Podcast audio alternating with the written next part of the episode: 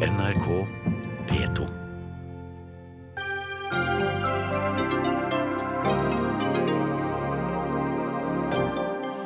Albansk mafia rundlurer myndighetene og infiltrerer norsk malebransje.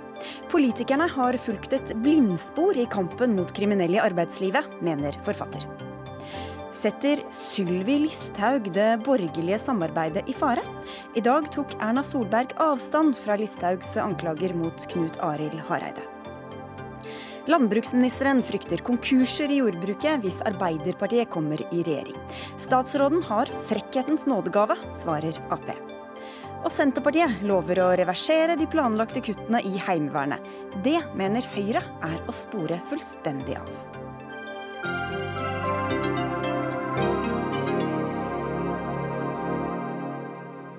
Med andre ord merkes det at det nå bare er en måned igjen til stortingsvalget. Vel møtt til Dagsnytt 18. Jeg heter Sigrid Solund.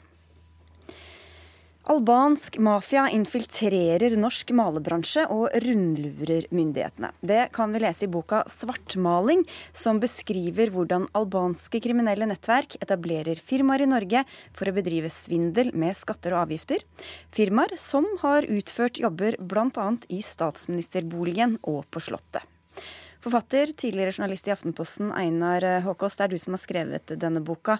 Og du skriver at det er skremmende lett å opptre som kriminell i Norge. Ja, det må jeg si. Altså, nå har jeg jobbet med dette her i sju-åtte år.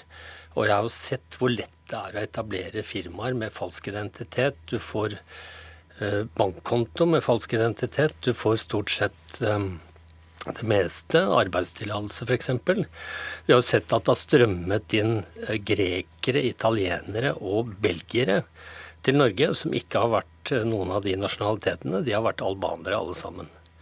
Vi snakker om hundrevis av falske identiteter som har vært brukt aktivt for å svindle dem i næringsvirksomhet i Norge. Og hva, Hvordan opererer de da når de har skaffet seg denne falske identiteten? Ja, De opererer med at de, de, utfører arbeid, men de later som andre gjør det. Og så får de de andre til å skrive en faktura til seg, betale pengene, og så er det de andre som tar ut pengene. Og de kommer da tilbake til den som har utført arbeidet. Det er skattesvindel, eh, rett og slett? Ja, det er fakturasvindel, og dette går gjennom veldig, veldig mange ledd. Og det er jo eksempler på folk som da har forlatt landet, og hvor de etter at de har forlatt landet, så har det strømmet 40 millioner kroner inn på kontoen deres i løpet av 17 eh, måneder. Hva slags omfang eh, har dette hatt de siste årene? Går det an å si noe om det? Ja, altså Omfanget er det veldig vanskelig å si noe om, da, men skatteetaten har jo funnet 1,5-2 milliarder eh, i omsetning eh, av denne typen, av denne typen svindel. Og så er det mørketall, eh, vil jeg tro? Ja, det er det jo. Det er, eh, altså, de er jo i full sving fortsatt. Mm. Men de bruker selskaper som ikke har vært berørt av dommer, og som ikke har vært omtalt i media. Hva er din forklaring på at det er såpass lett som det virker som å operere med falsk identitet i Norge? Ja, Det er jo, det er jo derfor jeg skriver denne boka, da. Men Må vil ikke røpe for mye her og nå? Nei, altså jeg, det er jo det at det norske samfunnet har jo faktisk ikke evnet å møte trusselen fra denne typen kriminalitet. Uh, og de har sluppet til på Eidsvollsbygningen, som liksom er symbolet på norsk lov og rett. Og politikerne svikter. Sitter her. Mm. Politiet snur seg vekk, snur ryggen til. Og dette har da vokst til et enormt problem, som er en, som en sånn uh, verkebyll i det norske samfunnet, som man ikke har greid å gripe fatt i på en effektiv måte. En slags ansvarspulverisering uh, fra flere hold, da? Ja, det vil jeg absolutt si. Og det er jo også resultatet av veldig dårlig samarbeid.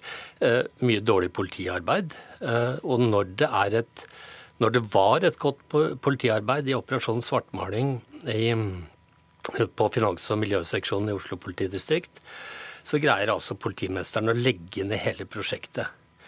Og de avslørte jo masse folk, og mange mennesker ble dømt.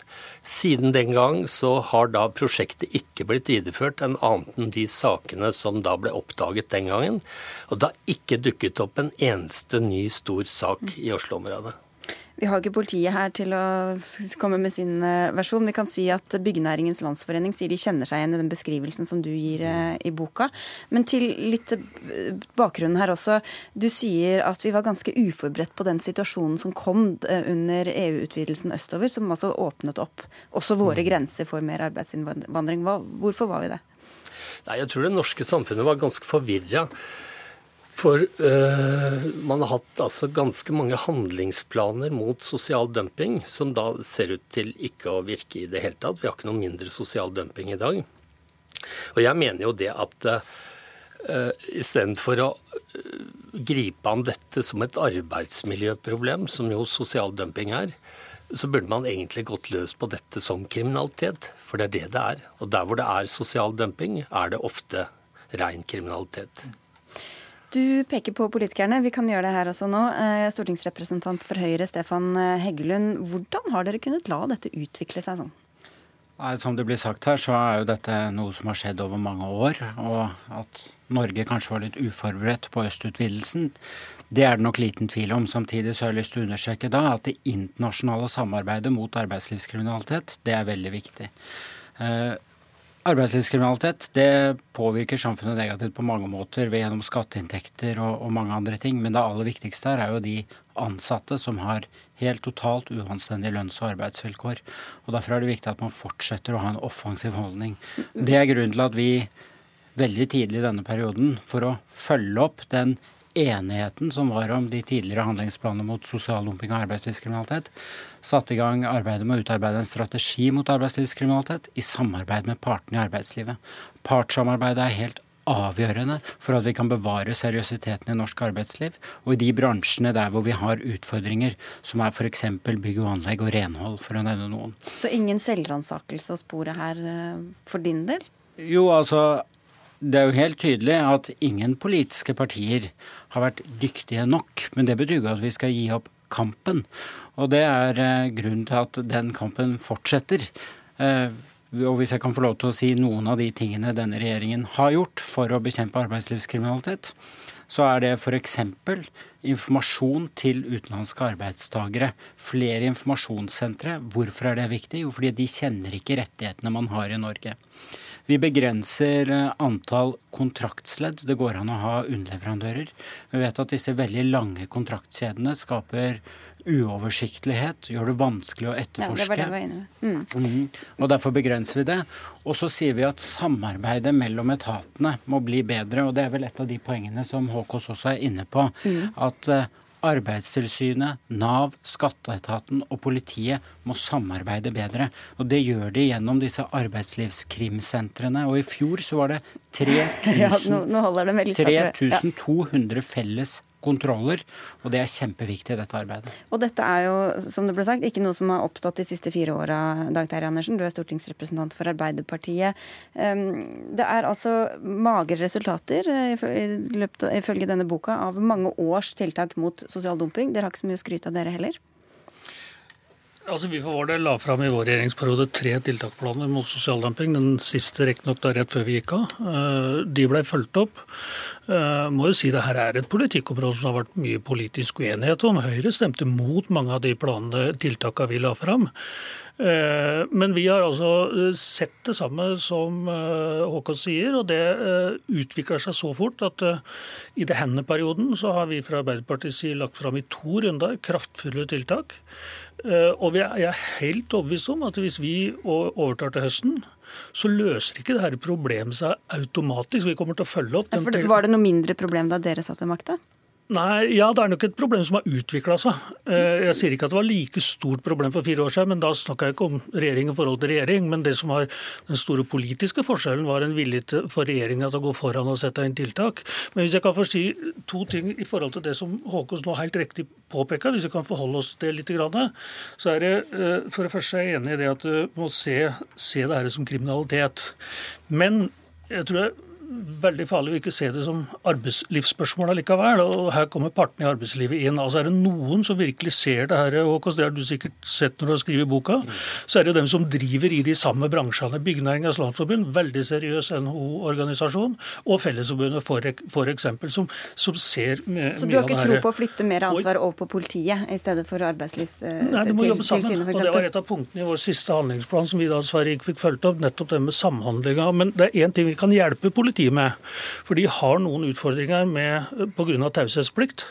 At offentlige etater ikke kan, eh, kan, utveksle informasjon med hverandre. og Det er blant et av de tiltakene som vi foreslo nå i vår. Vi la jo fram en handlingsplan med 30 tiltak, eh, som Høyre eh, stemte ned. Et av de tiltakene var nettopp det med å gjøre det enklere for politiet å få innsyn i dokumentasjon fra andre offentlige etater. Det tror jeg kunne hjelpe litt. Men det er ikke ett svar her. altså for dette er veldig kompleks, og det er brutal kriminalitet som står bak. Håkon, du vil ha ordet her. Det høres, ut, hvis, hvis, det høres ut som det er ti milliarder ja. Eh, tiltak her da, som egentlig burde ha løst dette problemet for lengst. Ja, jeg tror ikke det løser det, sånn type tiltak, egentlig. Jeg tror det, det handler om å bekjempe kriminaliteten. Men uh, jeg tror det at de kriminelle de er eh, stort sett politisk fargeblinde. De kommer inn enten det er en rød-grønn regjering eller en blå-blå regjering. Og jeg må jo jeg må kanskje skuffe mine meddebattanter her med at uh, dette startet jo, økte jo faktisk under en rød-grønn regjering fra 2005. Og det er, uten at jeg skal si at regjeringen hadde ansvar for det. Og um, til Heggelund så må jeg jo si at det har jo bare fortsatt og bare blitt verre og verre. Ja, Så ingen kan eh, skryte noe særlig her. Og Dere har jo også fått uh, kritikk fra Riksrevisjonen. De kom med en rapport i fjor Heggelund, der de kaller myndighetenes innsats mot arbeidsmiljøkriminalitet for svak og lite avskrekkende. Tar dere det nok på alvor? Ja, vi tar det nok på alvor. og Einar Håkås, da han jobbet i Aftenposten, skrev bl.a. en, blant annet en artikkel der hvor eh, regjeringen fikk skryt av LO for arbeidet mot arbeidslivskriminalitet. og Jeg bare nevner det nå, for det er jo ikke mm. noe vi er så bortskjemte med til vanlig å få skryt av LO. Men, men, i kampen men er, du, mot er du fornøyd da med, med, innsatsen dere har gjort? Nei, men det opplever jeg vel at eh, jeg kommenterte litt forrige gang jeg snakket, at vi kan ikke være fornøyd med det bildet vi har i dag. Absolutt ikke. Og noe av problemet her er jo at eh, de som driver med arbeid arbeidslivskriminalitet, de er utrolig kreative. Og da må vi ha en eh, politisk diskusjon og en politisk måte å jobbe på som ikke dyrker uenighet mellom partiene, for den er egentlig ikke så stor i disse spørsmålene, selv om Dag Terje Andersen har lyst til å si det fordi det er valgkamp. Men hvor vi faktisk jobber med å være mer kreative enn de kriminelle.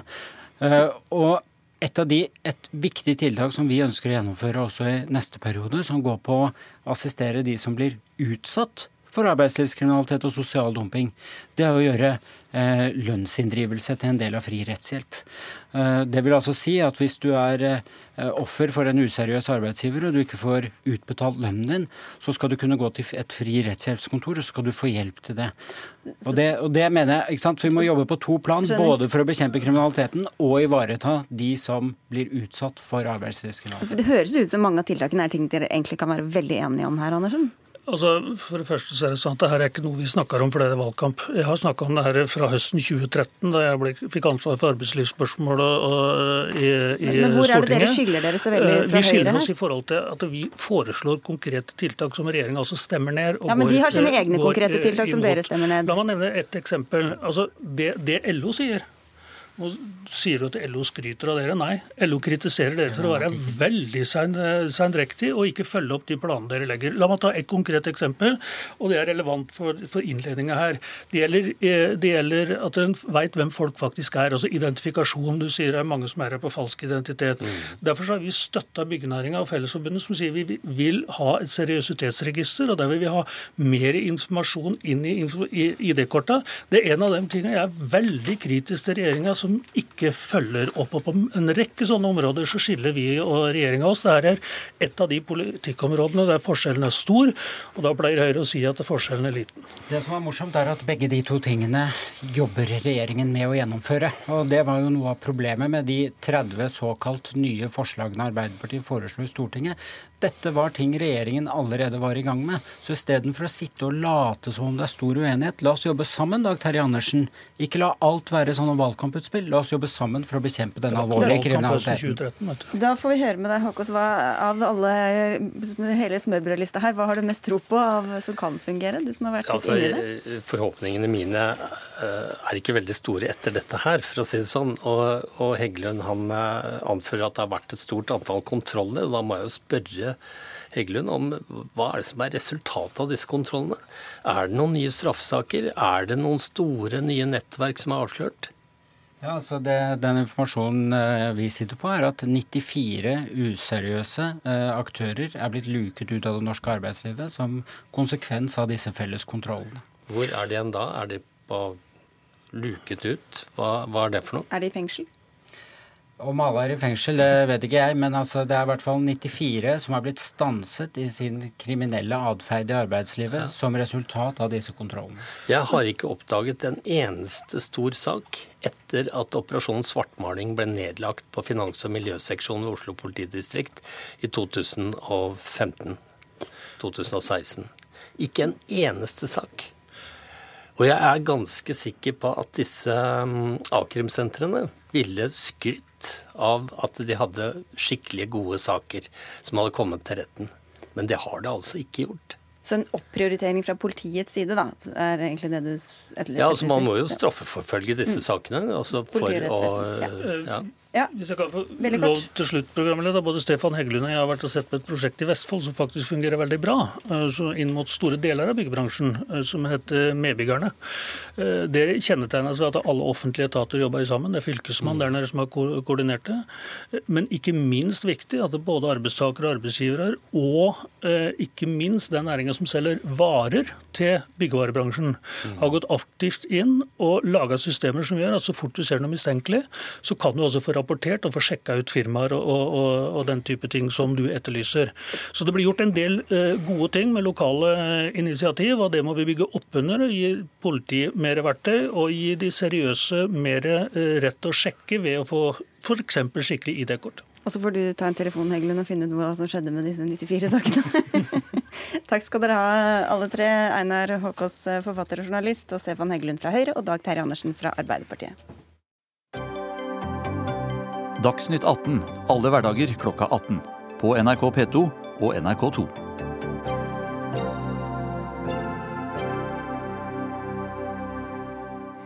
Skaper innvandrings- og integreringsminister Sylvi Listhaug problemer for det borgerlige samarbeidet? I dag sa statsminister Erna Solberg at noen av Listhaugs uttalelser ikke hører hjemme i norsk valgkamp.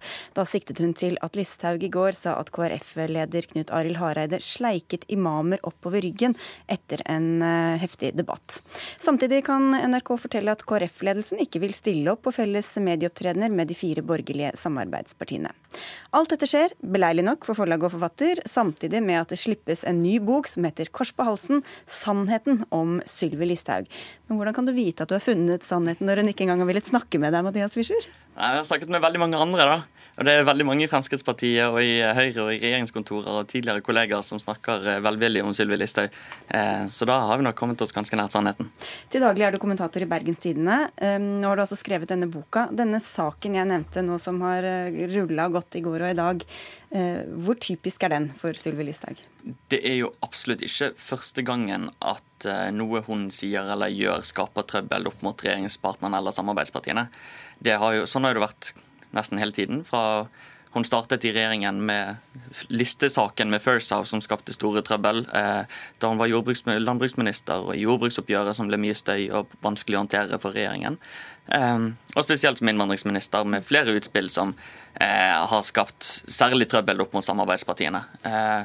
Og det er har skapt vanskeligheter for Høyre-ledelsen og generelt medlemmer i Høyre å akseptere liksom, at dette her skal være ansiktet til regjeringen.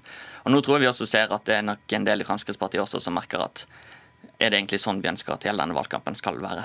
Vi skal gå litt, dykke litt ned i det. Vi har uh, for skams skyld uh, selvfølgelig vært i kontakt med Sylvi Listhaug, som ikke ville kommentere. Og vi har vært i kontakt med Høyre, som heller ikke ivrig, ivret for å komme og snakke om dette. Uh, Tone Sofie Aglen, du er politisk redaktør i Adresseavisen, og du snakker om Listhaugs metode. Hva går den ut på? Nei, Hun er jo veldig tydelig på det at hun snakker til eh, sitt publikum. Og de fleste politikere er jo litt sånn at man vil bli likt og man vil bli respektert, men det virker som hun på en måte skreller fullstendig av eh, de hun debatterer med, og er veldig sånn tydelig på sitt budskap. Og det så vi jo veldig godt når hun ble eh, landbruksminister, for de fleste landbruksministrene snakker jo litt sånn bøndenes språk og prøver å være litt på lag med dem, men hun var på en måte eh, snakka ekstremt tydelig rett til dem som var enig med henne, og ga fullstendig blaffen. Og sånn sett så blir hun veldig sånn polariserende. og jeg tror tror hun er en politiker som man enten elsker eller hater. Det er ingen som er litt sånn nøytral eller ikke har noen veldig sterke følelser knytta til en sånn politiker. Hmm. Um, Martine Aurdal, du er kommentator og debattansvarlig i uh, Dagbladet. Hun er jo også aktiv i debatter på sosiale medier, på, her i Dagsnytt 18 og andre steder i NRK. Ofte ender det i overskrifter. Hvorfor det? Ja, så Det er jo nesten imponerende at den tidligere PR-rådgiveren eh, Sylvi Listhaug klarer å være hovedsak i alle medier hver eneste dag. Altså, I går, eh, på, eh, da hun var på Politisk kvarter, var jo Erna og Jonas eh, i statsministerduell, og stort sett var alle landets politiske journalister der. Vi måtte alle sammen tilbake på kontoret og høre Politisk kvarter i opptak, fordi det var det som ble den store saken likevel. Og sånn har vi sett dag etter dag nå. Og hun oppnår jo det ved å stadig drøye ting, og bidra absolutt til en, en, polarisering. Jeg er helt enig i den beskrivelsen av uh, metoden hennes. Men det er jo også en uh, ganske uh, motbydelig debattform for den som forsøker å bidra til en offentlig opplyst samtale. Og sånn sett så frastøter hun både mange av de som hører på, men hun er jo nå blitt den kanskje største trussel mot et bredt borgerlig samarbeid i seg selv. Hvor, men hva er det som er så motbydelig? Hun bruker ord som folk forstår, og uh, snakker uh, Altså, andre politikere får helt andre uh, annen kritikk for å være ulne og tåkete.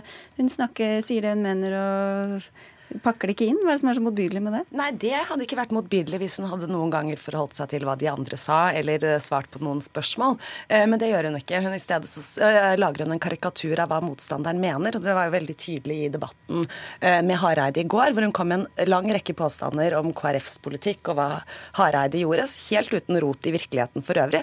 Nettopp for at hun skulle kunne argumentere mot f.eks. åpne dørers politikk, som vel ingen norsk politiker har argumentert for siden liberalistene ble kastet ut av FPU i 1994 på Bolkersjø. Men Kan det være at hun bare blir tolka helt inn i verste mening, Angela? Folk som ikke forstår henne, sånn som tidligere venstremann Mathias Fischer her? Jeg tror det er en uh, litt begge deler. Jeg tror For det første så tror jeg hun hele tida legger budskapet sitt på kanten og, og, går langt, nettopp for å få oppmerksomhet og for å, for å få de frontene. Uh, samtidig så er hun jo også en politiker som uh, jeg tror veldig mange av oss tolker litt i verste mening.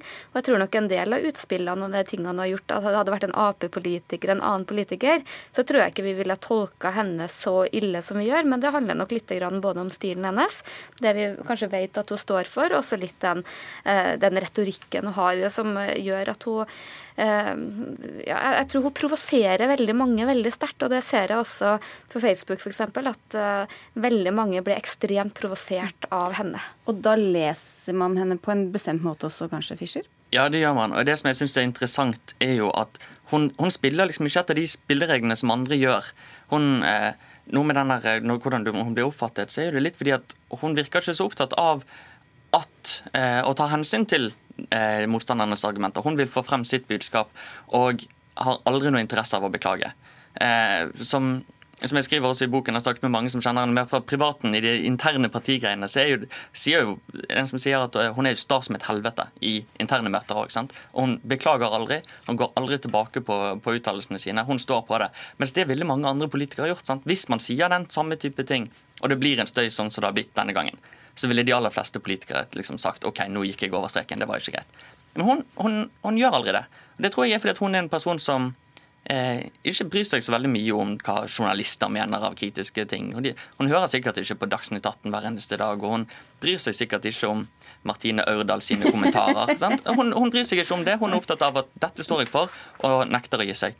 Og da får du Hvert eneste ord blir da tatt veldig alvorlig.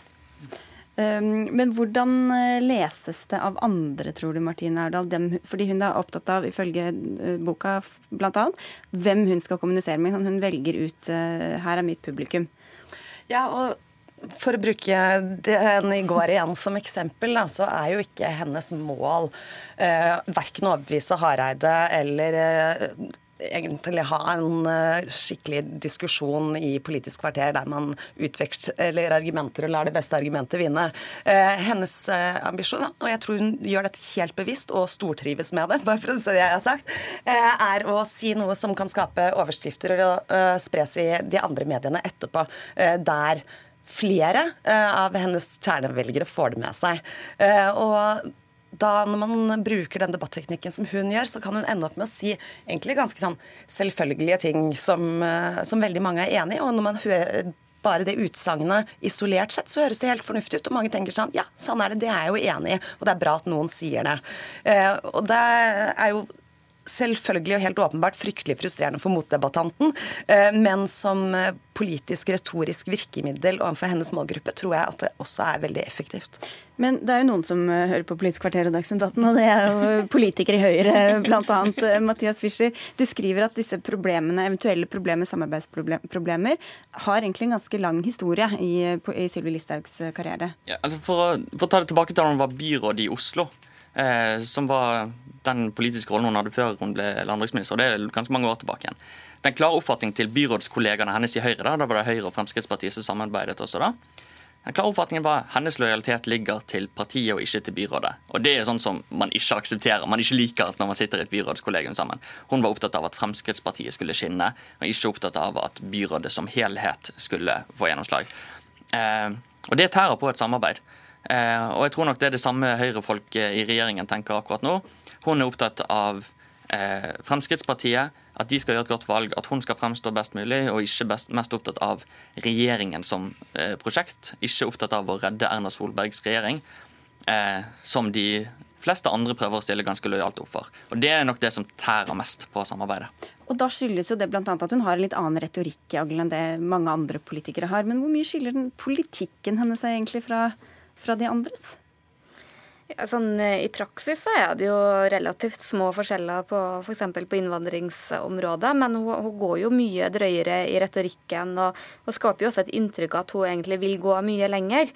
Og det er jo litt sånn det som er Frp sin utfordring nå. at jeg, jeg, tror at I denne valgkampen så trenger de en type Sylvi Listhaug som uh, snakker og får innvandring opp på agendaen, som det ser ut som hun lykkes ganske godt med. Samtidig så er det sånn at hver gang hun åpner munnen omtrent, så gjør hun bare at gapet over til samarbeidspartiene Venstre og KrF, også delvis Høyre, blir bare vanskeligere og vanskeligere. Da. Men Hvorfor er de så opptatt av det, Martine Ørdal? Hvordan hun ordlegger seg? Hvorfor skaper det så store problemer? Eh, nei, det er fordi at det er veldig sterkt polariserende og grove eh, ting hun sier. Eh, men det som er interessant også med dette fokuset på retorikk hos henne, er jo at det ofte går på bekostning nettopp av politisk gjennomslag. Da hun insisterte på at Innstram, altså punktene i asylinnstramningene skulle stemmes over én etter én i Stortinget på, eh, gikk jo det på bekostning av et bredt forlik som sannsynligvis ville gitt en strengere politikk enn den som faktisk ble vedtatt, nettopp fordi at hun ønsket å markere FrPs primærstandpunkt. Og Dette ser vi eh, gang etter gang, og i det tilfellet beskriver jo Mathias eh, godt i boka var jo Ernas uttrykte ønske til stikk motsatte. Nettopp at de skulle ha et bredt forlik og få igjennom mest mulig. Eh, og det ville de fått hvis ikke Listhaug var så opptatt av å markere eh, seg og sitt primærstandpunkt eh, retorisk i stedet. Og Hvordan slår dette ut i, innad i Fremskrittspartiet? Du har jo skrevet bok om Siv Jensen selv, ja. har vel noen kilder der? Siv Jensen er jo en helt annen type enn Sylvi Listhaug. Sylvi Listhaug ligner jo mye mer på Carl I. Hagen, og den retorikken han brukte som partileder, minner jo om dette. Hans uh, utfall mot Kjell Magne Bondevik lignet jo voldsomt på gårsdagens, men tross alt satt da ikke Hagen i regjering og var avhengig av Bondeviks støtte. Siv Jensens eh, statsmannskunst har jo nettopp vært å gjøre Frp til et mer spiselig parti. Hun har samarbeidet og brukt mye tid på å bygge allianser med de andre partiene, og derfor klart å bygge Frp som et regjeringsparti. Dersom Sylvi Listhaug uh, ville blitt partileder, så tror jeg vi ganske fort ville sett Frp som et rent opposisjonsparti uten ambisjoner om å sitte i noen styreposisjon. Men hvordan kan hun utgjøre et sånt problem Mathias Wischner, når hun samtidig er så populær? Ja, men det der er jo det som Carl I. Hagen også skjønte. da, altså at Du trenger jo ikke være godt likt av absolutt alle. Eh, det holder, Du kan godt være hatet av 70% hvis 30% elsker deg. Eller det holder kanskje at 10-15 elsker deg. og Da spiller det ingen rolle hva resten mener. Fordi at Det er sånn politikken fungerer. sant? Altså Hun trenger jo ikke 50% støtte i befolkningen. Men i den jakten mot å få bare elsket av 25-30% av befolkningen, så blir hun kanskje hatet av resten, eller sterkt mislikt av resten. Ehm, så ja, hun er jo kjempepopulær, eh, og det er i mange tilfeller veldig forståelig at hun blir det. Også, men veien dit er nettopp ved å bli upopulær.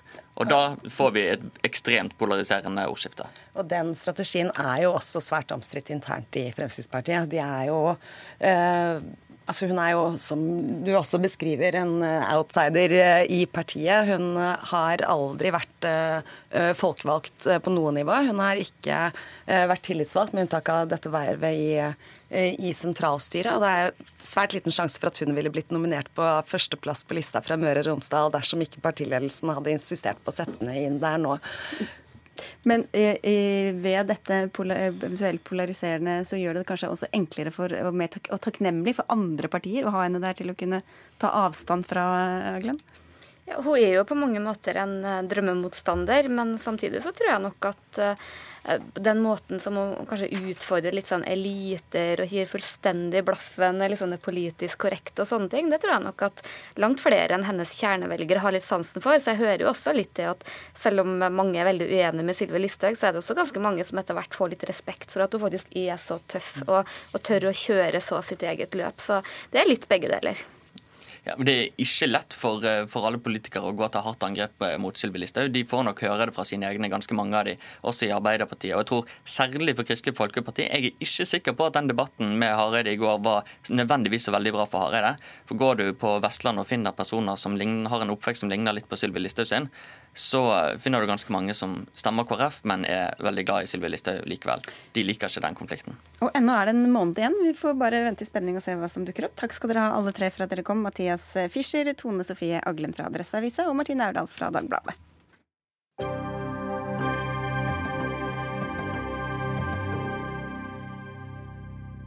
I dag la Høyre fram en pakke med elleve tiltak for det de kaller tidlig innsats i skoleløpet. Et av dem er at skolen skal ha plikt til å gi intensivopplæring til elever som blir hengende etter. 3000 lærere skal gjøres til spesialister i tidlig lese- og skriveopplæring. Kristian Tonning Riise, du er leder for Unge Høyre, og du er også stortingskandidat. Hvor skal disse lærerkreftene hentes fra? Nei, det, jo, det, handler jo om at det kan være lærere som er ansatt i, i skolen allerede, men som får en eh, spesialistfunksjon på den eh, skolen de er på. F.eks. at det er en, en, som er ekspert på lese- og, lese og skrivevansker, og som får en eh, ekstra ansvar for å, for å ivareta det, det faglige miljøet og følge opp det på den enkelte skolen. Så dere tar fra noen og gir til andre? Nei, det kan jo liksom handle om å gi noen lærere som allerede er i en skole, en, en større rolle, f.eks. Så det handler ikke nødvendigvis om å, om å ta noe eh, fra noen. Og, Men det skal heller ikke tilføye Det er ikke snakk om nye lærere, nye lærerkrefter? Nei, det kan være både nye lærerkrefter, og det, og det kan også være eksisterende lærerkrefter som gis, en, som gis en egen rolle i å følge opp det faglige tilbudet på skolen. Så må jeg også få si at jo, Vi har jo lagt frem en liste med elleve tiltak da, for, for tidlig innsats i, i, skolen. og Dette er jo ett av dem. Her er det jo ting som går på f.eks. Å, på å følge opp eh, eh antimobbetiltak. Eh, det kan eh, det er, eh, det er, tiltak her som går på å gi en plikt til, eh, ja, til intensivopplæring f.eks. For, eksempel, for de enkelte elevene. At alle skoler skal ha en, eh, en spesialpedagog. Så det er, det er, mange tiltak her som det er verdt å, å diskutere. Skjønner. Vi prøver å holde oss litt til dette her først. Anders Tyvan, du er skolepolitisk talsperson i Kristelig Folkeparti. Hva syns dere om denne måten å disponere lærerne på, gjøre noen til spesialister? Ja, Det er ikke sikkert det er så dumt i seg selv, men jeg mener at uh, Høyre for det første nå presenterer noe som er gammelt nytt. Fordi uh, veldig mye av det som ligger i tiltakspakka til Høyre, det har Stortinget allerede sagt at vi skal ha. Uh, og det andre er at jeg mener det viktigste vi gjør i skolen, det er å sørge for at de lærerne som jobber der, har en mulighet til å lykkes. Og da må vi ta på alvor at veldig mange lærere opplever at de ikke har tid nok til å gi elevene den oppfølginga de trenger. Og da hjelper det veldig lite å lovfeste en plikt til at de skal eh, være flinkere til å hjelpe de som sliter. Da må de få en mulighet til eh, å lykkes med det, og da trenger vi flere lærere i skolen. og Derfor så mangler det aller viktigste tiltaket i Høyres pakke, og det er nemlig å få på plass en lovfesta norm for lærertetthet. For hvor mange elever det kan være i forhold til antall lærere i skolen. Så uansett hva spørsmålet er, så er svaret flere lærere? Eh, nei, men jeg tror at flere lærere det er en helt nødvendig forutsetning for å lykkes med å løse de utfordringene vi har i skolen. Eh, og så er ikke det eh, løsningen på alt, og det er ikke det eneste fornuftige tiltaket, men det er en helt nødvendig forutsetning for at vi skal kunne lykkes med andre former for tiltak i skolen. Ja, men det er her jeg mener at, eh, at, KrF ser seg litt blinde på, på ett enkelt tiltak i skolen, og på en måte reduserer hele debatten om tidlig innsats til å dreie seg om, om antall elever per lærer. Og jeg tror alle vet at både klasser, skoler, kommuner, fylker er eh, veldig forskjellige. Og For å gi et eksempel, når jeg gikk på barneskolen, så gikk jeg i en klasse med 16 elever, hvor det ikke var noen av de som hadde minoritetsbakgrunn. Det sier seg selv at det er ganske andre utfordringer som skal til for å lære den klassen å lese og skrive, enn det f.eks. er med en tilsvarende klasse hvor kanskje 13-14 har et eh, annet morsmål eh, enn norsk. Og Det er problemet med å si at, at det kun er antall elever som skal være eh, førende eh, per lærer, som skal være førende for hvilke tiltak man setter inn i skolen, gjør at du får eh, feil, feil løsning på en del skoler som har veldig ulike utfordringer. Jeg kan ta et annet eksempel fra, fra fylket jeg er fra selv, Hedmark. Hvis du har foreldre med grunnskole som høyere, høyeste utdanning, så er det dobbelt så stor sjanse for å fullføre videregående skole hvis du bor nord i fylket, som det er hvis du bor sør i fylket. Eh, og de forskjellene er der helt uavhengig av klassestørrelse. Og da sier det seg selv at Hvis man da skal gjøre grep i de kommunene for å eh, løfte læringsnivået, så er det andre tiltak som må til i nordfylket enn det er i sørfylket. Men da får vi høre med deg, Tyvan, Hvorfor skal man ha en universell ordning når behovene er så ulike? Ja, Behovene er ulike, og alle elever er forskjellige, alle klasser er forskjellige. Men det som må være på plass, det er jo eh, en, en viss eh, mengde lærerressurser. Eh, for det er det behov for uansett om skolen ligger i Oslo eller i Oppland eller i, i Vest-Agder. Og det er et viktig poeng da med den modellen KrF ønsker seg, eh, det er at vi vil ha gjennomsnitts, eh, altså en gjennomsnittsnorm per skole. At det skal være maks 15 eh, elever i, i, snitt per lærer i 1. til 4. klasse, og maks 20 elever i snitt per lærer i 5. til 10. klasse. Og Så enorm med fleksibilitet. ja, nettopp. Da er det et veldig viktig poeng at det må være opp til skoleleder og opp til lærerne å vurdere hvordan de lærerressursene skal benyttes på mest mulig effektiv måte. Fordi i en klasse så kan det kanskje være helt greit å være 20 elever, hvis det ikke er noen elever der som har spesielle læringsutfordringer.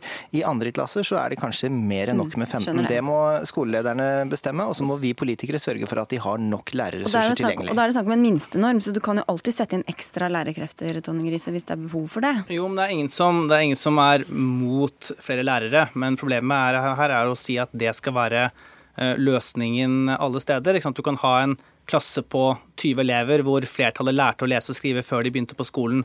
Det er åpenbart at den klassen trenger, uh, trenger noe annet enn men, en eh, klasse hvor du sliter, sånn sliter klasse, veldig stort med lese- og skrivevansker. De skal jo ikke bare lære å lese, det er jo snakk om å trøste, og du skal snakke med dem om hvordan de har det hjemme. Altså, det er ganske mye mer ja, og, den læreren skal gjøre også. Ja, og Derfor så trenger man et bredt spekter av ulike tiltak. F.eks.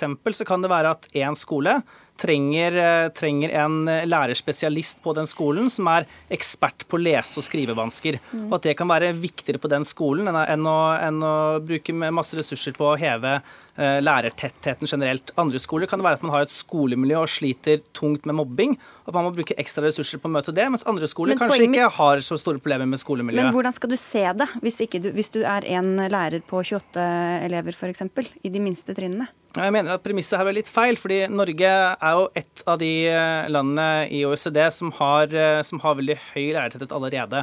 Og når vi ser på læringsutbytte, så, så vi, gjør vi det likevel eh, midt på tre, og dårligere enn veldig mange andre land som har høyere lærertetthet. Mm. Og Jeg sier ikke at, eh, at ikke ekstra lærere kan være en løsning eh, noen steder, men jeg tror det er at det er en del av et større bilde. at det Noen steder kan det hende at det er løsningen, mens andre steder kan det godt hende at man kan ha litt større klasser, men at det er helt andre ting som er nødvendig på den enkelte skolen.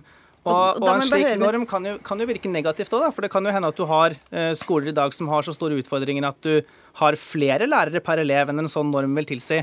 Og Da vil mange kommuner kunne bruke det som en slags eh, unnskyldning for å spare penger og flytte lærere over på andre skoler som ikke hadde trengt de samme ressursene. Da må vi bare avslutte med det. Tyvan. Hvordan vet dere ut fra forskning og erfaring at dette er den absolutt beste måten å bruke pengene på å skaffe flere lærere?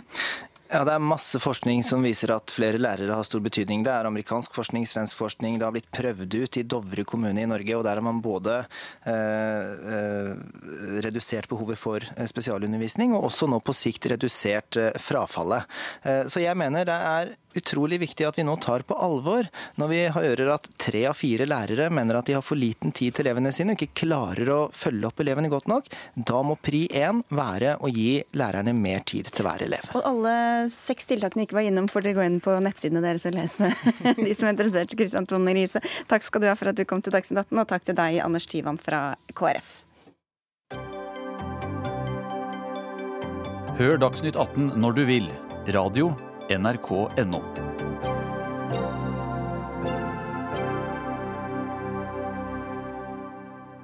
Mange bønder kan gå konkurs om Arbeiderpartiet får ansvar for landbrukspolitikken etter valget, kan vi lese i Klassekampen. En del norske bønder har nemlig investert millioner av kroner i gården sin etter at regjeringa økte konsesjonsgrensene, slik at de f.eks. kan produsere mer melk eller ha flere dyr på gården uten spesiell tillatelse. Og dette mener du at kan være forgjeves hvis Arbeiderpartiet nå kommer til makta og reverserer Frp-politikken.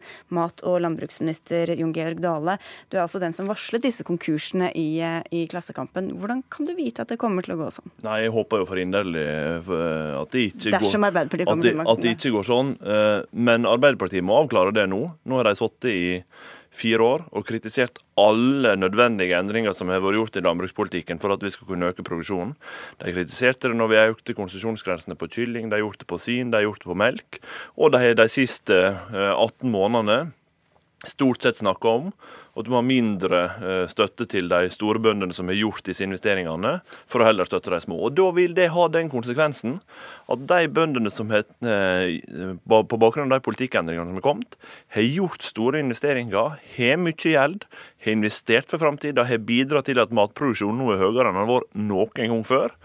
Det er de som vil bli ramma hvis Arbeiderpartiet faktisk gjennomfører. Så de må, de må avklare én ting. Skal de eh, nå akseptere de endringene som Frp har fått gjennom, eller skal de reversere landbrukspolitikken tilbake igjen der den var? De skal få gjøre det, men først må jeg bare spørre deg, hva slags tall eller beregninger har dere på at det er mange som har satt seg i sånn milliongjeld for å tilpasse seg de nye reglene? Vi har jo sett eh, betydelige investeringer i norsk jordbruk nå. Det investeres 8 milliarder årlig i norsk jordbruk. Vi har sett at gjeldsgraden har gått noe opp i norsk jordbruk, og det skyldes jo at flere har fornya. Det har vært mange diskusjoner de siste åra om, om gjeldsgrad i norsk jordbruk, men det skyldes jo at disse satser. Mm. Og derfor, når disse satser, så har jeg vært opptatt av å ha tilstrekkelig insentiv til at det skal være lønnsomt. Og det er jo de ordningene Arbeiderpartiet vil sette i fare. Ja, men du, Vi er så heldige at vi har med oss Knut Storberget i Arbeiderpartiet, og sågar landbrukspolitisk talsperson. Kommer dere til å endre rammebetingelsene, sånn at flere kan komme til å gå konkurs? Nei. Jeg bare nesten får en følelse av at eh, landbruksministeren må ha vært under svært varme strøk i løpet av de siste ukene, for dette høres jo nesten ut som det er en person med solstikk som snakker. Det er altså sånn at når Arbeiderpartiet satt og laget sitt alternative opplegg knytta bl.a. til jordbruksoppgjøret, så kom vi altså ut med beregninger på de såkalte referansebrukene hvor man så helt tydelig at her fikk alle matprodusenter faktisk mer. Slik at det var jo ingen risiko for konkurs for de store ved et slikt opplegg. Så hvor statsråden har dette fra, det kan man jo undres over. Betyr det at dere, altså alle som eh, har økt antall kuer eller økt melkeproduksjonen, kan bare fortsette med det som før? Ja, jeg tror, jeg tror mye av de strukturendringene vi har sett i norsk landbruk, ikke bare i løpet av de siste fire årene, men i løpet av de siste 10-15 årene, har vært helt nødvendige. Eh, vi får ny teknologi inn. Vi får unge som ønsker å satse. Det er metodikk og arbeidsformer som gjør at vi kan produsere mer mat. Men det går en grense. Eh, og det er åpenbart at hvis man virkelig skulle hytte med konkursspøkelset i forhold til matprodusentene, så er det jo nettopp det Fremskrittspartiet tradisjonelt har sagt man vil gjøre, nemlig halvere støtten til alle norske matprodusenter. Kutte med fem milliarder, har man sagt, bl.a. for å finansiere betydelige skattelettelser. Rive ned importvernet, det har man ikke fått til fra regjeringens side. Det er jo disse Særlig disse to grepene som vil være livsfarlige, ikke bare for de store, men også for de minste. Og så er det jo viktig for Arbeiderpartiet sin side å si det at hvis vi skal kunne produsere mer mat i Norge, så er vi helt avhengig av å kunne utnytte alt, all, alt tilgjengelig areal, altså all matjord. Og Da nytter det ikke bare med et industrialisert eh, jordbruk. Da må vi satse også på de små og mellomstore og gjøre det mer lønnsomt å få til det. Knut Storberg, vi har jo ikke et industrialisert jordbruk i Norge. Du kan ikke med seriøsitet mene det. I Norge har vi gjennomgående i europeisk målestokk små bønder. Også de store brukene i Norge er gjennomgående små. Men det er jo veldig gledelig at du nå bekrefter at alt Arbeiderpartiet har sagt i alle disse fire åra at dere har vært imot, innser dere at dere ikke kan gjøre noe med. Så nå, nå frykter du ikke lenger for konkurser da, ja, på de men, norske gårdene? Jo, altså vi vet jo hvem Knut Storberget i Sottefelle skal samarbeide med, men, men det, er jo, det, er jo, en helt eventyrlig kuvending i Sottefelle, det vi hører fra Arbeiderpartiet nå, hvis vi skal ta dette på alvor. Men, men, men, men, høre med Storberget, da. Ja, Mener du at de, at de eh, rammevilkårene eller de, eh, disse grensene som de har endret, at det var riktig politikk? Nei, vi var veldig tydelige på når det f.eks. gjaldt kylling, å få så store produsenter som man da fikk det ødela for veldig mye for de små og mellomstore. Men vil du da fjerne de endringene igjen? Så er det jo sånn at når folk da har investert opp, så kan man ikke da plutselig rive teppet unna, unna, dem. Slik at Det er jo det som er en del av problematikken med et parti som Fremskrittspartiet, som ikke bare ønsker å selge deler av Norge, men ønsker å faktisk rive det ned. At når man iverksetter denne type tiltak, så er det ikke bare å reversere fra dag én. fordi vi må ta hensyn til de som har investert. Så hvis dere kommer til makta, så må dere fortsette å føre Frp-politikk? Nei, jeg mener at man nettopp da må kunne vri. Slik at man sier at eh, de som driver stort, må vi eh, gi fortsatt støtte til. Men hvis vi skal bruke mer penger på å produsere mer mat i Norge, så tror jeg for framtiden at det er viktig at vi i større grad enn det regjeringen nå har gjort, velger å prioritere også små og mellomstore ved siden av de store, og at vi også kan prioritere geografisk. Eh, og Det er jo det som er en del av utfordringen med et parti som Fremskrittspartiet, som faktisk går til valg på å kutte overføringen til matprodusentene med over 5 milliarder kroner. Eh, og så peker man på dette. Hva ville skje jeg vil spørre landbruksministeren, hva ville skje hvis man skar ned norsk landbruksstøtte med, med 5 milliarder, som Fremskrittspartiet har tatt til orde for? Skjønner, Hvor mange konkurser ville du da fått? Jeg skjønner godt Knut Storberg, at du vil vri denne debatten, men jeg er veldig glad for at du, du fikk stille spørsmål til han, da kan ja, ha fått stille et spørsmål til deg. Da. Men, men, skal svare på det. Men jeg er veldig glad for at Arbeiderpartiet nå avklarer at alt dere har vært imot av strukturelle endringer i norsk jordbruk Det var vel ikke det han sa. Han sa at det som har, de investeringene folk har gjort, de skal det ikke ja, endre på. Men det betyr at alle de strukturgrepene som har vært gjort de siste fire åra i norsk jordbrukspolitikk, som Arbeiderpartiet alltid har vært imot, bekrefter de nå at de må stå fast ved. Det er, veld, det er, det er veldig lovende. Og så mener jo okay, Ta de der fem milliardene, eller og, og, du vil endre, da. Og så, Knut Storberget, har jo denne regjeringsperioden først og fremst vist at det har vært mulig å øke matproduksjonen med å bruke mindre andel av overføringer enn det som tradisjonelt har vært gjort. Jordbruksoppgjørene har vært billigere i denne perioden enn de var når Arbeiderpartiet styrte, men resultatet av jordbrukspolitikken er større matproduksjon, større geografisk arbeidsdeling. Det tar seg opp igjen på Vestlandet, det investeres mer. Og Hvordan går det med, og, de, små med de små gårdene, da? Ja, Gjennomgående så er inntektsutviklinga i norsk jordbruk god, og den har vært høyest de to siste jordbruksoppgjørene per produsert eining for de minste. Men, men Det kunne vært interessant men, å høre hva landbruksministeren faktisk mener om det som er Fremskrittspartiets prinsipale standpunkt, at man ønsker å kutte så betydelig som 5 milliarder kroner, som man har gjort i alternative budsjetter. Men, hva som da ville skje med både de store og mellomstore og små. Det er jo det åpenbart at det ville være livsfarlig. Ja, for Dere har hva, ikke styrt alene. Dere har skjedd hvis har rev bort importvernet? i spillet her, ja, Dale. Ja, ja det, og det erkjenner jo jeg. Men det som er utfordringa til Arbeiderpartiet Arbeiderpartiet er jo, men nå var det disse ja, fem milliardene som er deres prinsipielle standpunkt. Ja, men jeg skal svare på det. Ja, vel, men, men, men, det. men det som vi har sett nå, er jo at vi har ikke vært så opptatt av hvor mye penger vi har brukt, men hvordan vi har brukt dem. Og jeg mener jo at det er fullt mulig å få bedre resultat i norsk jordbruk med mindre penger enn vi har i dag. Og det mener jeg jo også at vi har klart å vise i denne perioden. Langt billigere jordbruksoppgjør større og bedre resultat. Mer matproduksjon enn noen gang. Vestlandsjordbruket tar seg opp. Ja, det har du, du har er allerede tatt en skrittliste. Da må du få avslutte her, eh, Storberget. fordi her ble det det sagt at dere var for alle strukturelle endringer som dere før var mot. Nei, altså Poenget er at det er ikke bare å si nå at nå skal vi reversere dem, fordi at vi vet at folk har investert. Men den kursen som Fremskrittspartiet er på, som er på vei mot et industrialisert jordbruk, det ønsker jo ikke vi å bidra til. Og jeg mener at det er en betydelig risiko å slippe Fremskrittspartiet eh, inn i et departement som Landbruksdepartementet. Det er som å slippe en rev inn i en hønsegard. De har nå sittet Eh, der i noen år, da. Jo, men altså poenget er den dagen de virkelig får gjennomslag for det man prinsipalt ønsker seg, det er jo ikke økning av budsjettene, som vi har sett de siste årene, men det er altså en betydelig reduksjon. altså en oppimot en, oppimot en tredjedel. Og da kan vi begynne å diskutere konkurser. Men etter fire års motstand mot de reformene som vi har gjort i jordbrukssektoren, der, aksepterer nå Arbeiderpartiet hver eneste en av dem. Det er i så tilfelle en god nyhet for norske bønder. Jeg vet ikke om det var helt eh, ja, okay. Dere, vi fikk tatt eh, noen punkter her. Takk skal dere ha begge to, Jon Georg Dale og Knut eh, Storberget.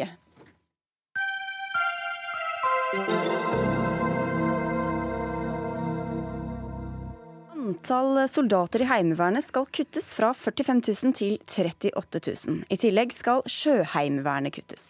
Dette har regjeringa, med støtte fra Arbeiderpartiet, allerede fått vedtatt i langtidsplanen for Forsvaret. Men i Klassekampen i går gikk sjefen for Heimevernet, Tor Rune Råby, ut og sa at han vil vurdere å trekke seg i protest dersom kuttplanene blir stående når statsbudsjettet skal vedtas til høsten. Råby har takket nei til å komme hit i dag, men Marit Arnstad, du er med oss, du er parlamentarisk leder i Senterpartiet og har sikkert sittet og hørt på forrige debatt med stor eh, iver etter å delta, men eh, nå var det denne du skulle diskutere, da. Hvor oppsiktsvekkende vil du si det er at HV-sjefen går ut på denne måten? Ja, Det syns jeg er ganske oppsiktsvekkende. Fordi at eh, folk i militæret er jo lojale til både arbeidsplassen sin og til, til Forsvaret som sådan. Så når uh, han velger å gå ut og advare så tydelig som det han gjorde i avisene for et par dager siden, så syns jeg det er et signal som en skal på en måte ta alvorlig. Det er jo sånn at det er ofte dem som har uniformen på, som også kjenner best hvordan situasjonen oppleves og hvordan det er. Og Da er det kanskje på tide at vi politikere begynner å lytte litt til det. Hårek Elvenes, du er stortingsrepresentant for Høyre. Hva syns du om dette, denne trusselen, hvis vi skal kalle det det? Nei, jeg ser jo ikke på det som en trussel. Råby han skal jo gå av med pensjon om to og en halv måned. Så det er jo helt unødvendig å komme med trusler. Han er nødt til å gå av, for han fyller 60 år, og du kan ikke være offiser i Forsvaret lenger enn inntil du er 60 år. Men jeg har jo ikke sansen for at embetsfolk driver med trusler. Eh, embetsfolk skal være eh, Stortinget og regjering sitt eh, uhilda og upartiske eh, saksbehandlerapparat, eh, som også skal være lojal, lojal, lojal mot de beslutninger som regjering og storting gjør. Mm. Eh, Men hvis eh, Råby egentlig hadde ønska å gjøre dette til en reell trussel, så kunne han jo f.eks. ha kommet med den i en alder av 57 år. Eh, Men han gjorde ikke det, og jeg tror han har trivdes for godt som general og okay. som sjef i HV til å, til å gjøre det. Men du sier jo, nå hørte vi den som har uniformen på, dere snakker ellers om å lytte til den som har skoene på i andre saker, f.eks. bedrifter som ber om eh, lavere skatt. Hvorfor gjør dere ikke det i dette tilfellet? Ja, Vi har absolutt lytta. Eh, hvis Råby sin såkalte trussel er en protestøvelse mot den økonomiske utviklinga i eh, Heimevernet, så er den jo direkte feilslått. Eh, Heimevernet har vært eh, til dels vanskjøtta under den rød-grønne regjering. Det var langt på vei åtte tapte år. Nå snus utviklinga i Heimevernet. Det ble lagt ned, Heimevernsreserven ble lagt ned under den rød-grønne regjering. Antall heimevernsdistrikt ble redusert. Nå øver Heimevernet mer. Heimevernet har beviselig fått flere ressurser. Den rød-grønne regjeringen skar ned med 300 millioner, den er økt med 200 millioner. Så eh, hele Heimevernet er nå inne i en positiv utvikling. Og det har jo også Råby påpekt i høring i Stortinget, at han ser en økt operativ evne i eh, Heimevernet i 2017. Men han sier at han trenger 45 000 soldater for å løse dagens oppgave. Vi går ikke liksom mange år tilbake, Marit Arnstad. Men her, sier, her er det altså mye eh, tull med tall, hvis vi kan si det. For regjeringa og forsvarssjefen sier at det egentlig ikke innebærer noen kutt, fordi 38 000 soldater utgjør det faktiske tallet i dag, og dermed bare er en tilpasning. Mens eh, HV-sjefen sier altså at her er det, blir det kutt. Hvem stoler du på? Ja, det virker Nei, Det virker som det er flere ulike tall som er ute og verserer. Det er jo en det som er sagt tidligere fra forsvarsministeren til Stortinget. Eh, og så er det det som da blir sagt fra Råby i Klassekampen. Og så skjønner jeg at Forsvaret i dag har kommet med en korrigering av det igjen, som også er et annet tall enn det som da gjengis som Forsvarsdepartementets tall i Klassekampen i går. Sånn at her er det ulike tall som verserer. Men Senterpartiets hovedpoeng er jo at langt, den forrige langtidsplanen vedtok at du skulle ha en HV-styrke på 45 000 mann. Eh, vi mener at Det første alvorlige spørsmålstegnet er jo hvorfor denne regjeringa ikke har bidratt da, til å oppfylle det målet, men har hyllet seg med et heimevern som ligger da eventuelt ned på 37 000-38 000 mann. Ja, ikke hvis du stoler på HV-sjefens tall, da. Nei, men altså, det spørs jo hvilke tall en skal stole på. Men det er jo det store spørsmålet dersom du skal stole på det som regjeringa sier er Forsvarets egne tall. Så, så, må du jo spørre deg hvorfor har de ikke gjort det de skal gjøre for å prøve å bygge det opp, sånn som det står i den forrige langtidsplanen at du skal gjøre. Eh, og ha en styrke på 45 000 mann. Og det Hvis de skal bygge det ned, så er det kanskje ikke så interessant å diskutere hvorfor ja, de ikke allerede har bygget opp? Nå sier de jo at de skal bygge det ned, og at det er bare papirsoldater. Men de dem som kjenner det dette på kroppen, da, som generalinspektøren og som folk utover i Forsvaret som vi møter fra Heimevernet, de sier jo det at her er det jo folk som mister jobben. Her er det folk som er nødt til å fratre. Sjøheimevernet blir lagt ned. Eh, og, blir, eh, og, det betyr at en 2000 mann eh, er ute av, av, av operativ tjeneste gjennom Sjøheimevernet. Og Det er på en måte, altså, det virker nesten som om det her regjeringa og Elvenes og Høyre har lukka øynene helt og ørene helt for det som kommer av signaler fra Forsvaret sjøl. Og så må jeg også få lov å ja, si få svare også der. Men bare til dette med tallene. Altså, hvordan skal vi vite hvilke tall som er riktige, Elvenes, når det er så mange ulike uh, som verserer? Ja, La meg få oppgi de faktiske tallene. Eh, Forsvaret eh, rapporterer hvert tertial. Eh, og I utgangen av mai så rapporterte forsvarssjefen til Forsvarsdepartementet at Heimevernets styrke besto av 37 823 mann. Det er altså 177 mindre enn de 38 000 som er det, si, det politisk offisielle tallet på Heimevernet. Det er nokså identisk. Men det som er trist og en avsporing i forsvarsdebatten, det er jo at 177 heimevernssoldater til eller fra gjøres til det store spørsmålet i norsk forsvarspolitikk. Det er inkompetanse fra politikerne å dra forsvarsdebatten ned på et slikt nivå. Heimevernet utgjør 3% av Forsvaret. Mm. Forsvaret er så meget mer. Det er den nasjonale forsvarsevnen vi snakker om, og da må man se totalt på Forsvaret. Ja, men for det her er poenget at Arnstad, dere vil øke, ikke sant? Dere vil ha mange flere enn de 45 000? Ja, vi mener at det er riktig å øke til 50 000 mann. Eh, og vi kunne begynne med å prøve å oppfylle det som ligger i den langtidsplanen som lå i perioden som, som Høyre og Frp nå har sittet i regjering. Så synes jeg det er litt, Men jeg syns det er litt rart at Elvenes her sier at det da på en måte ikke er noe problematisk. Da burde jo det tilsi at regjeringa da bare kjørte på med nedtrekket i Heimevernet, men det har de ikke gjort. Nei, nå i vår så sa de det at vi skal fryse det dette når vi skal stoppe nedtrekket, vi skal vente. Og jeg skjønner dem godt når de gjør det. For siden langtidsplanen ble vedtatt, så har vi altså fått en situasjon der Riksrevisjonen har avdekt store mangler i politiet og Forsvarets evne til å sikre viktige bygninger og eh, potensielle eh, terrormål i Norge. Vi har fått eh, altså da sjefen i Heimevernet nå, og vi har fått også en, en, en resultat- og kontrollrapport fra forsvarssjefen som viser at i 2016 så, så er statusen til Heimevernet ikke tilfredsstillende. Det er kun ett av 249 HV-områder som er beredskapsklar. Og det er klart at Da skjønner jeg at Høyre og Frp drar i på en måte bremsa, drar i bremsespaken og tenker som så at her skal vi vente. Det har de all grunn til. Her må vi snu helt om og ta en helt ny debatt om HV og Hæren. Ja, og den debatten tror jeg det blir en ny regjering som blir nødt til å ta. Men for Elvenes, du virket som du ikke syntes at Heimevernet hadde så viktig rolle som det Arnstad? Dette er bare prat fra Senterpartiet. Det er ingen grunn til å stole på Senterpartiet. De eh, svikta HV i sin periode. Ja, men ikke gå så lang tid tilbake. Snakk om hva dere vil gjøre nå. Senterpartiet reduserte HV fra 50 000 til 45 000 personer. Og det klarte Senterpartiet heller ikke å finansiere. Høyre har økt øvinga i HV. Det er tilført HV 290 millioner mer bare fra 2016 til 2017. Men, men planene om å, om å gjøre det til en viktigere aktør og enda, enda mer som Senterpartiet vil? Feltkjøretøy, mm. og Heimevernet får ny utrustning. Heimevernet er snudd fra nedbygning til oppbygning. Det var en tapt periode under de rød-grønne, og Senterpartiet har liten eller ingen troverdighet. Og de har ikke engang kontroll på sine egne tall. De klarte ikke å finansiere de 45 000 Vet du hva? som Senterpartiet er reduserte HV til. Marit Arnesen får to sekunder på tampen. Ja, altså Norge er nå det eneste landet i Europa som kutter i sitt heimevern. Mange av de andre europeiske landene øker sitt heimevern. Jeg tror vi blir nødt til å se ja. helt Arnstad, med nye øyne på landmakta og HV. Og det gjør ikke Høyre og en- Frp.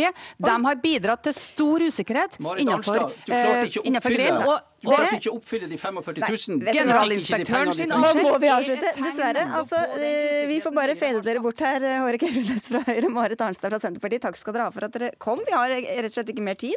Ingebjørg Sæbu, Lisbeth Sellereite og jeg, Sigrid Solund, takker for oss og ønsker en fin kveld videre.